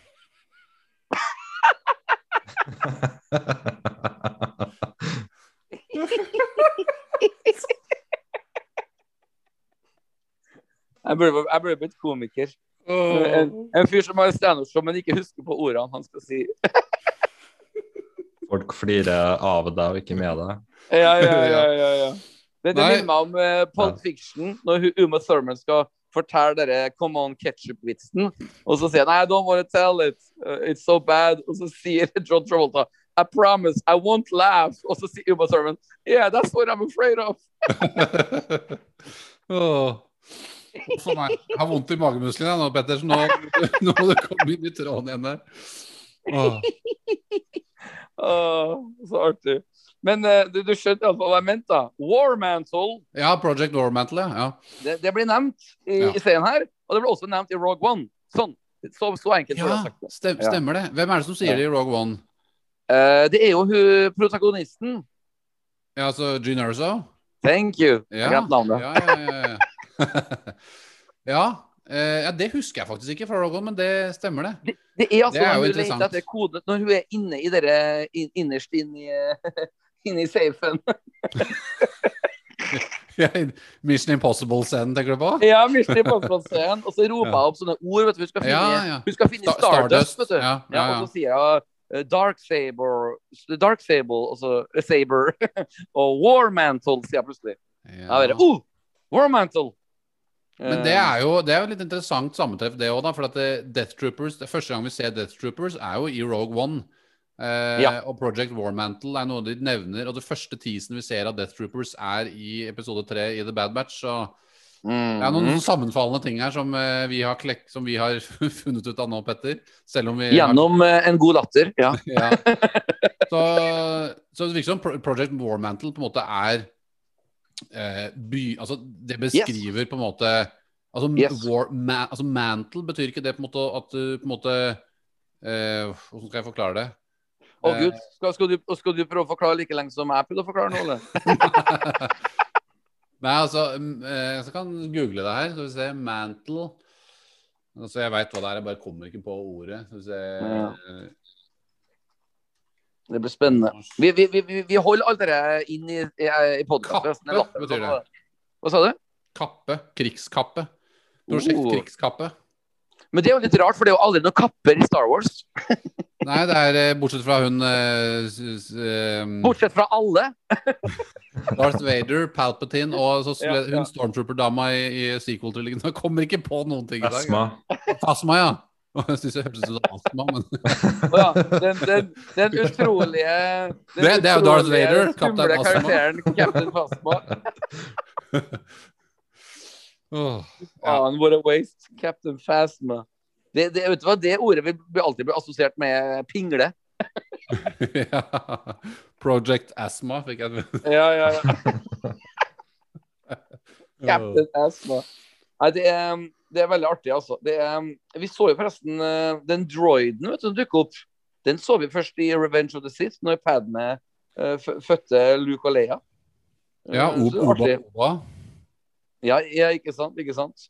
Og, og den har også vært med flere Clone Wars-episoder hvor en diskuterer med forskjellige kloner og sånne ting. Og, og det, det er jo veldig sånn eh, free will versus programming egentlig Bad Batch handler om nå i disse episodene. Du vet sånn, Ja. The Bad Batch viser jo mer humanitet enn disse kommende Stormtroopersene, egentlig. Iallfall uh, så langt. Så det er veldig ja. sånn artig å se. Det er jo jeg tror det er som er essensen her som foregår, at uh, til og med kloner kan ha uh, menneskelige trekk. Ja. Kanskje, ja. Så det er jo, Så er det jo, jeg synes det det, det er interessant med den scenen med Crosshairs, hvor han uh, våkner opp i den der eh, CT-skanneren, holdt jeg på å si. Sånn, Ja, ja. sånn maskin som skanner kroppen der. Og Ja. da får jeg også en Det, det er noen sånne Darth Vader-esk temaer de leker Mm. med. Altså en variasjon over det temaet. da. Det er liksom Ja. One når du ser han i Bacta-tanken, ikke sant. Eh, Og når Ja. Crosshairs våkner opp der, så er han Han er på en måte litt maskin eh, som på en måte blir på, på, eh, Som er konstruert av noen andre som manipulerer på et vis. Så de, Ja. de, de lefler med det temaet, og det syns jeg er veldig kult. Det er en variasjon. En veldig bra variasjon Ja. Ja. over temaet. Det, det er det, altså.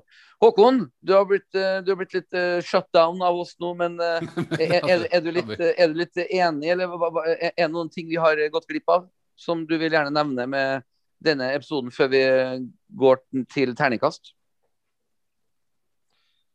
Uh, ikke i første, nei, så har jeg egentlig ingen eh,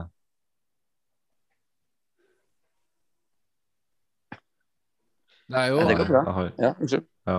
Jeg kan jo skyte inn dette her med den Stormtroopers um, uh, Nei, den, unnskyld, sluttscenen hvor, hvor, hvor uh, Nala C, eller Nala Pu som jeg liker å kalle henne, Ja. uh, snakker med statsministeren der om, Ja. eh, om at deres rase avhenger av at de må på en måte fullføre prosjektet og på en måte gjøre og full, eller på en måte fortsette samarbeidet med imperiet da, for å overleve både som rase og institusjon på et vis. da. Yes. yes. Jeg syns at det var veldig interessant. Og i samme åndedrag, eller i samme scene så, også nevner jo dette med at de må begynne på neste nivå med dette prosjektet.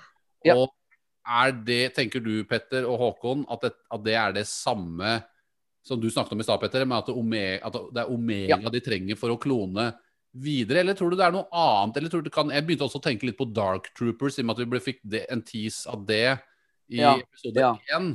Eh, Når de trente Når de liksom viste fram The Bad Batch for Tarkin der. Eh, det også tenkte jeg på som en mulighet der, at det var noe Ja. av eh, For de brukte jo Det har jo vært noe sånn Legends-materiale som har snakket om kloning av å, å bruke mennesker med Dark Troopers og forskjellige sånne ting. Da. Så Jeg, jeg kan jo starte med å svare med en historie. ja. Når eh, jeg ble født Nei, jeg tuller bare. Da, Du eh, er en tilbake- var det du skulle si nå? Ja. Ja, ja. Nei, altså tilbake i 2002, eh, Attack of the Clones. Altså, det, det, vi, vi hadde jo en, en ganske fin podkast om Attack of the Clones, hvor vi eh, fokuserte mye på det positive. Iallfall etter vårt beste evne. Og er det noe med, jeg likte med Attack of the Clones, så var det egentlig alle de spørsmålene de lagde rundt hele Camino-fenomenet. For vi, det fikk veldig lite svar. Vi ja, vi fikk vite at Django Fett liksom var The Ja. Men hvor- hvordan hele det um, I mangel av ord, altså symbiosen med hele det planeten der, og hvordan de folket trenger eh, den businessen med, eh, med å lage kloner. Og, og nå får vi endelig litt sånne svar på ting som egentlig jeg har lurt på i snart 20 år. og det, det er jo liksom det, For det er veldig mystisk rase, ikke sant? det er veldig mystisk planet. Eh, Omega har aldri forlatt planeten, så det er tydeligvis bare vann, siden hun aldri har sett jord før. ikke sant? Og, så at, eh, jeg syns det er tøft at de bygger mye rundt den prosessen der. For vi, de, de blir jo aldri nevnt i 1977 i A New Hope. Så de blir kanskje, kanskje, kanskje vi- alt for alt vi vet, kanskje de prøver seg å yppe litt med imperiet, så etter hvert så blir de angrepet. Og det er, jeg nesten håper at det blir en sånn mørk sånn en siste episode i Bad Batch hvor eh, imperiet rett og slett uh, bare execute the entire water planet.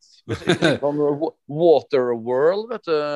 Med Kevin Costner på nytt, liksom. Så jeg, jeg håper at det blir noe så- Jeg vet ikke om det her var et svar på ditt spørsmål, men det var veldig bra sagt, det jeg sa, syns jeg. ja. Jeg bare tror dere at Palpatine kommer til å dukke opp eller reise til Camino personlig? Oh yeah! Oh yeah. Hva tror du, Håkon? Ja, kanskje. Ja, det, er, det er litt sånn uh, uh, Han har jo på en måte Akkurat i Bad Batch jeg, jeg foretrekker egentlig litt at han er mer sånn bakgrunnskarakter. Ja. Vi, for vi alle, uh, de fleste har jo sett Revenge, Revenge of the Sith. Ja. Eh, og, og det er litt sånn her Jeg, sy jeg syns på en måte at de burde bare holde fokuset på eh, Ja, på det her, da, og ikke på en måte trenger ikke å uh, hvile på keiseren. Altså Han kan godt komme inn, men at han ikke blir en sånn veldig viktig karakter for serien. da Nei. Eh, Ja. Men at han er der i bakgrunnen, og vi vet jo hva som skjer, på en måte, men at vi holder oss til det perspektivet vi er i nå, da. Mm. Ja. Eh, Ikke for å kverulere med Eller jo, for så vidt for å kverulere litt med deg, så er jeg litt uenig. fordi at eh, her, her er jo storhetstida til keiseren. Altså, du vet, eh, Execute Order 66 skjedde for to uker siden i den, eh, eh, i den timetablen her, tidssonen her. Og da er det altså slik at i de neste 20 årene så er jo, han på en måte kongen på haugen. Så det er jo egentlig nå han skal virkelig være i sin prime, helt fram til du vet han blir kasta ned i sjakta i Return of Jedi. Så fram til liksom eh, A New Hope, episode 4 starter, så skal, skal jo egentlig Bad Batch-serien nå leke rundt med tidssonen der. Og da er jo egentlig han Erna Solberg, i den forstand at han skal dukke opp på TV-en og komme med visdomsord og snakke som leder. Leader of the free world. Så, så jeg må si meg uenig. Jeg håper det blir mer caser. Hva med du, Knut? Jeg tror det blir mer jeg, jeg tror det blir en litt sånn blanding av det du sier, Petter, og det Håkon Ja. sier. Jeg tror Håkon har veldig rett i at perspektivet må holdes på The Bad Batch. Det er jeg veldig enig i. Og, og altså Foreløpig så har jo perspektivet vært på The Bad Batch, og så har det vært på en måte hva som skjer i tran transition til, med Imperiet, hvor du da har hatt liksom eh, Tarkin og nå Rampart og Crosshairs, og, og delvis disse kaminoanerne og sånn. Og men, men altså Palpatine har vi så vidt sett i episode én i en sånn eh, hologram, hvor han eh, sier de samme tingene som han sier i Revenge of the Sith, sett fra et annet perspektiv, bare. Veldig kult, for så vidt. eh, Veldig kul scene. Eh, Ja, så ja. Vi kommer til å se han mer, og vi, men jeg, jeg, jeg hadde likt å se vi har sett veldig lite Palpatine in action, på en måte. Ja, Eh, Vi har jo ikke sett så fryktelig mye. Vi har sett litt eh, en del i Revenge of the Sith. Ja. Litt på slutten av Return of the Jedi. Eh, um, Og det her er jo som sagt veldig kort tid. Ja. Det her er jo bare to uker siden Eller eh, to uker etter Revenge of the Sith, så han er jo på en måte sulten og har nettopp kommet til makt. og Ja. på en måte, måte han forandrer bare logoen, vet du. Det er jo også en Mm. ting som vi ennå ikke har pratet om. Det, The Imperial logo dukker opp mer og mer i episoden her. ja. For du vet, it's, it's the inversion of color. Den har mye mer darkness i seg, den logoen. Samtidig så mer mer, ja. Samtidig så er jo også Palpatine en, en fyr som liker å holde seg også litt i skyggene. Han liker på en måte å holde seg litt skjult. Han vil ikke liksom det er Akkurat som han liksom ikke vil Jeg merker jo på mange av disse her propagandaplakatene, f.eks. I, i Jedi Fallen Order. Har du spilt Jedi Fallen Order, eh, Håkon? Ja. Ja. Uh, nei, nå, nå tenkte jeg på Battlefront 2. Hva er det jeg tenkte på? Ja. Storydelen der. Har du spilt den? Ja. Ja, for der er du liksom Kan, kan, kan, du liksom- spørre meg? kan du spørre meg om jeg har spilt det spillet? har, du, har, du spilt, eh, har du spilt noe spill etter Dark Forces? Er vel egentlig det som spør, spør om. Overhodet ikke. Nei. Men, men ikke sant, der er, det som er interessant der, er jo Der er det masse posters med Palpatine eh, når du er Jeg tror du er på Coruscant, et eller annet sted på Battlefront, så alle disse posterne er jo stort sett av han sånn som han ser ut før han blir eh, fried to a crisp av eh, Mace Windu. Eh, sånn at han ser liksom veldig fin ut og flott hår og, og ganske snill ut. Så han liker å fremstå eh, som en sånn eh, en flott figur, da. Eh, som er litt sånn i øyn- øynefallet for alle. Så han, han, jeg tror han på en måte Han kommer nok bare ut når det er absolutt nødvendig, har jeg litt følelsen av også. Men jeg, jeg syns det hadde vært veldig stilig med en scene hvor han reiser til Camino og bare tar litt force lightning på hele havbunnen der, så det blir strøm overalt, og så vust, altså alt borte. Kanskje ikke akkurat det, men ja. Det syns jeg var artig når eh, keiseren eh, sa i hologrammet at han har altså, blitt deformed, eller hva han sier. Ja. ja. Og Record tar en sånn vits. eh, ja. så ja, nei, da Men ja, for det er litt sånn i, i Fallen Order, da får du også et annet perspektiv på Order 66. ja. Og i Battlefront eh, 2 så får du et perspektiv klona, eh, Nei, altså Stormtroopers sitt perspektiv etter uh, Battle of Endor. ja. Så, og, og fram til da Force Awakens-tida, da. ja. Så nei, jeg, jeg, på en måte Hvis man skal lage eh, serier uh, rundt det vi har sett før, så, så mener jeg da at uh, andre perspektiv, nye perspektiv, uh, vil på en måte holde det friskt, da, selv om det er samme, Samme samme, greie, eller samme Ja. tida, da, samme Ja. enn at vi skal se på en måte det vi har sett før tidligere, sånn keiseren i eh, action med lyssabelen sin og, og, og, og selvfølgelig eh, jeg, jeg, jeg, Ikke misforstå meg, jeg har gjerne lyst til å se mer av keiseren, eh, men at man ikke legger så mye fokus på det. Men at han på en måte han er en, han er en del i det store, da. Ja, absolutt. Og det er det, det jeg også følte liksom i Rogue One, da, med sånn som de brukte Darth Vader i Rogue One, syns jeg var et perfekt han, han på en måte hviler som en skygge over hele filmen, selv om han er bare med kanskje i hva er det, fem minutter.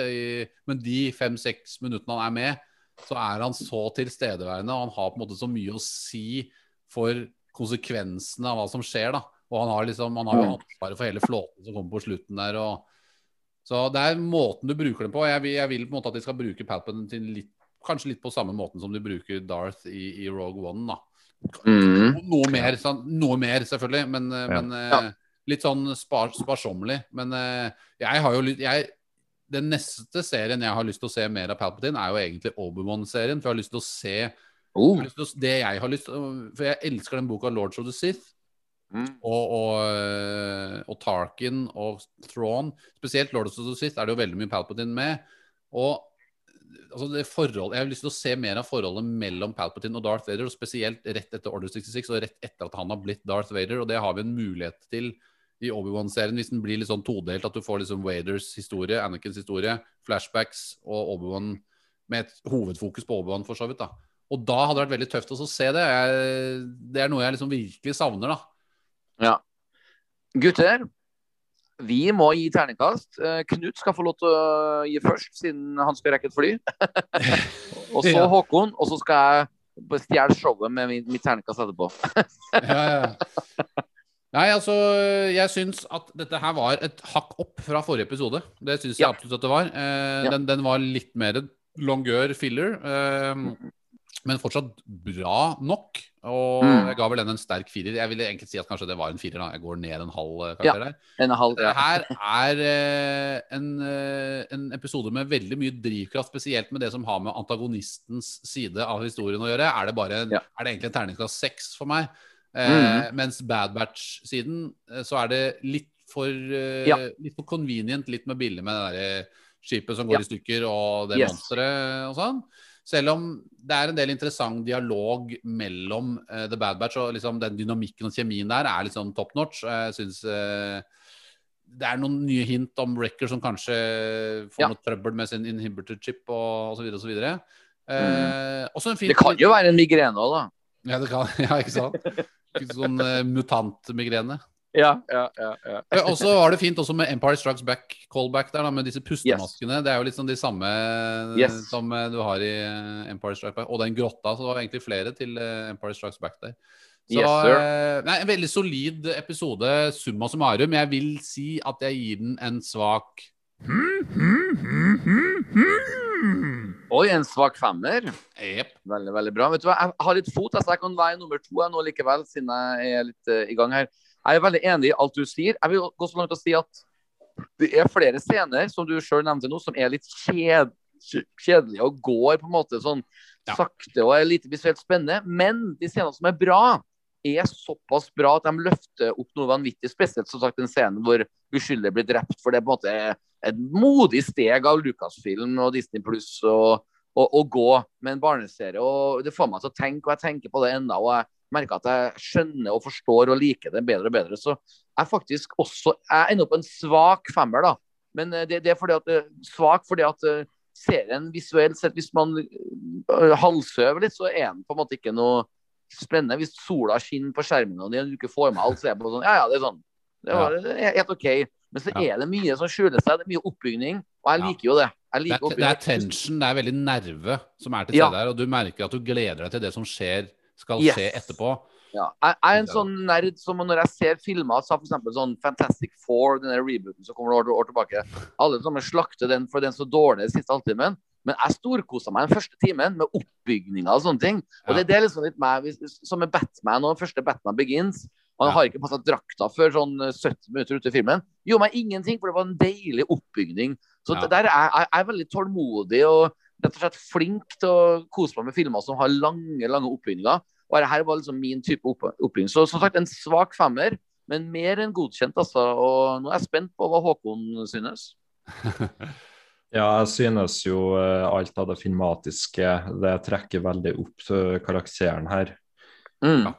også, også måten tensionen er bygd opp på den uh, scenen hvor de skal på det oppdraget.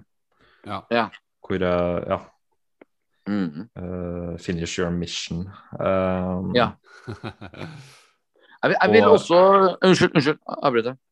Ja, og, og uh, eh, så, og, og, ja, og måten vi klipper frem og tilbake til Omega, som mm. fer i grotta der, og tilbake til uh, Og tilbake til da eh, Crosshair. Mm. Eh, Det, det er veldig bra gjort. Også, Det Mm. spenner gjennom hele. Da. Men det som trekker litt ned eh, en karakter, er, er vel altså at episoden i seg sjøl har på en måte ikke like spennende sånn historie, da. Mm. Mm. Men det er veldig mye elementer her, så jeg, jeg gir den en, eh, en fem, da. Å ja, akkurat. Jeg, jeg skulle ja. ja, det er bra. Det er interessant bare- det du sier om eh, ja, Unnskyld, men eh, det, jeg bare overkjører deg nå. Nei, jeg, jeg, jeg, tenker på jeg tenker, Det du sa om Crosshairs og Omega, de er på en måte litt hverandres motsatte nå. Mm. Og det at de klipper mellom dem, og det, det var et interessant grep som jeg også syns funka veldig bra. Eh, for det Mm. er jo tydelig at Omega er i ferd med å erstatte Crosshairs. Jeg begynner å Mm. få mindre og mindre tro på at Crosshairs faktisk kommer til å vende tilbake. Eh, Mhm. Det kan jo skje, eh, og jeg fortsatt på et vis håper at det skjer. eh, I hvert fall hvis det viser at det er kun inhibitor-chipen som har ansvaret for, for eh, alt det fæle han har gjort. Men eh, hvis Ja. han, noe av hans personlighet har vært inne i bildet her også, så er det vanskelig å svelge det, da. Ja. Og så- må jeg bare legge til å si at uh, her har jeg nevnt i hver episode, så sorry at jeg gjentar meg sjøl, men Dark Horse Comics Nei, jeg tuller bare. Ja, det er Håkon, det. Det kommer alltid en dark Ja, ja, ja. horse-sekvens. Nei, det, det, var, ikke det jeg skulle si. Jeg skulle si at uh, Echo og Tech Ja. de, uh, de, de må være flinkere nå snart til å la de to få sine egne stories. For de er, en og samme person i alle tre episodene, føler jeg. Og for no, Hunter har sin greie, han er farsfiguren. Crosshair har jo så klart Han er jo en antagonist, ikke sant. Og Omega og, og Wrecker blir vi bare mer og mer glad i. Men Ja. Echo og Tech er en og samme person. De bare går sammen. Og de kjeder meg litt. De burde egentlig bare vært én person. Men de, de kan gjøre det bedre. Ja. Det var litt mer med Echo og Tech i denne episoden her. De sto og mekka på det skipet så jeg, jeg, Ja. fikk en, jeg fikk en slags følelse av at det var en, en liten begynnelse, en liten kime til at det nå får vi mer med dem etter hvert. Eh, men det er eh, sant. ja. Og så vil jeg si en ting til. At uh, den aller første episoden av Bad Batch den sitter i meg enda som en utrolig spennende opplevelse. Så hvis jeg ga den terningkast fem for to podkastepisoder siden, så vil jeg gjerne gjøre om den til terningkast seks, faktisk. For at uh, den var virkelig, virkelig bra. Så den første episoden av Bad Batch Jeg ble veldig sånn satt ut over hvor bra den var. Og så jeg, Husker du hva jeg ga, Knut? Du ga vel en eh, Du ga i hvert fall fem. Sterk Ja. femmer, eller var det, Ja. var det på sekseren? Ja. da? Jeg, jeg vil gi den en sinnssykt svak sekser. Ja. Du tenker bare Så- på svake, svak sex? Ja, ja, ja. Oh, ja, ja, ja. Nei, men det her, her er veldig artig. Altså. Jeg vet at Knut skal rekke et fly. Men uh, Håkon, har du noen uh, siste tanker og trua på hvilken vei eh, det her vil gå? Tror du de vil fortsette å være barnevennlige med Bad Batch, eller vil de fortsatt være vågale og gjøre det mørkt? Altså, det her er jo en del av The Dark Times. Du Ja. vet liksom når som Obi-Wan snakker om i A New Hope eh, Before the dark times, before the empire. Sant? Det, og det, det er jo den tida Ja. vi lever i nå. Så at, um, tror du det blir mørkt, eh, eller, eller blir det fargerikt? Jeg, håper at uh, det blir uh, mørkt, da sånn Empire-preg uh, på det. da, At eh, du har at, eh, altså, Tematisk sett er veldig mørkt og mørke scener altså, Mm. og alt det der, men at vi man, De kan ta seg tid til å ha litt humor, og, og, men òg gå mer i dybden på karakterene. da. Mm. Eh, Ja, det på, er på The Bad Batch, tenker du på? At du går i dybden på dem? Eller mener, mener du Tarkin og Rampart? Ja, altså Bad Batch er en ting, men også selvfølgelig Tarkin. Og bli litt mer kjent med Tarkin som karakter også. Mm. For han eh, virker veldig sånn her eh, endimensjonal på en måte, da. Han er ikke Ja. helt uh, Han er bare sånn aha, Han er skurken, han er lederen av uh, imperiet, liksom. Ja. Mm. Sånn, så eh, jeg håper vi får litt sånn eh, mer inntrykk eh, av hvem han er. Mm. Mer som person. Mm. Jeg liker jeg liker hva du sier. Så har du jo uh, var en veldig fin scene på slutten av episode tre, eh, hvor Omega får sitt eget rom. Ja. Og det er litt Det, det, det syns jeg sånn generelt med serien her, at den er mye mer realistisk. Da har jo også det, det mørke aspektet med det stor ting å si, fordi krig og, og sånn, det er, jo, det er jo mørkt, og det er jo uskyldige dør og sånn der. Men så er det fint å ha de øyeblikkene som er så menneskelige, da, sånn som vi kan kjenne oss igjen i når ja. ja, så det er veldig sånn eh, Ja, jeg, jeg føler mer karakterene mer enn andre ja.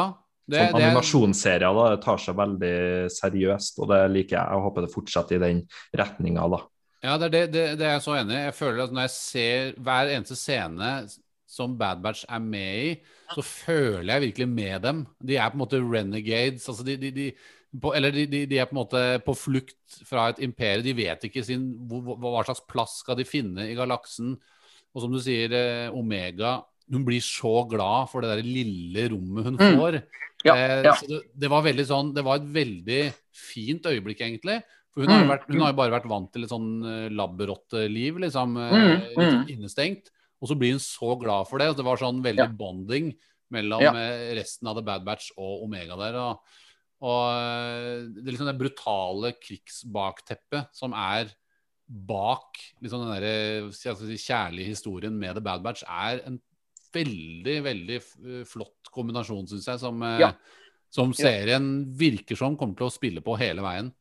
Ja, virkelig, altså. Det blir, det blir spennende. Vi gleder oss til fortsettelsen. Ja, Episode fire kommer allerede nå på fredag, så det er Ja. right around the corner. Um, Håkon, du er, har vært en knall gjest. Tusen hjertelig takk for at du ville være med oss. Vi skal alltid avslutte med et sitat.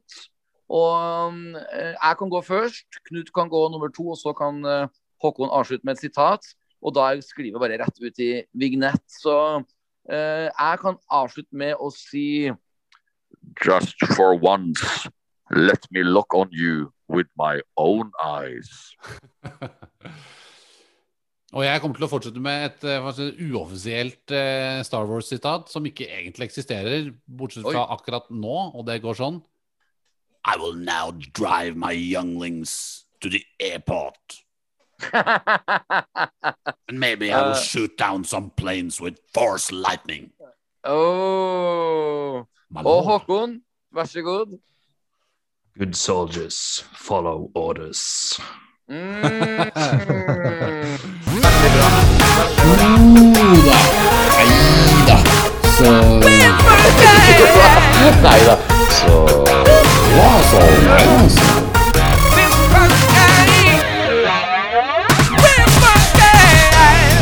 Jo da. Nei da. Så Jo da. Nei da. Så Jo da. Nei da.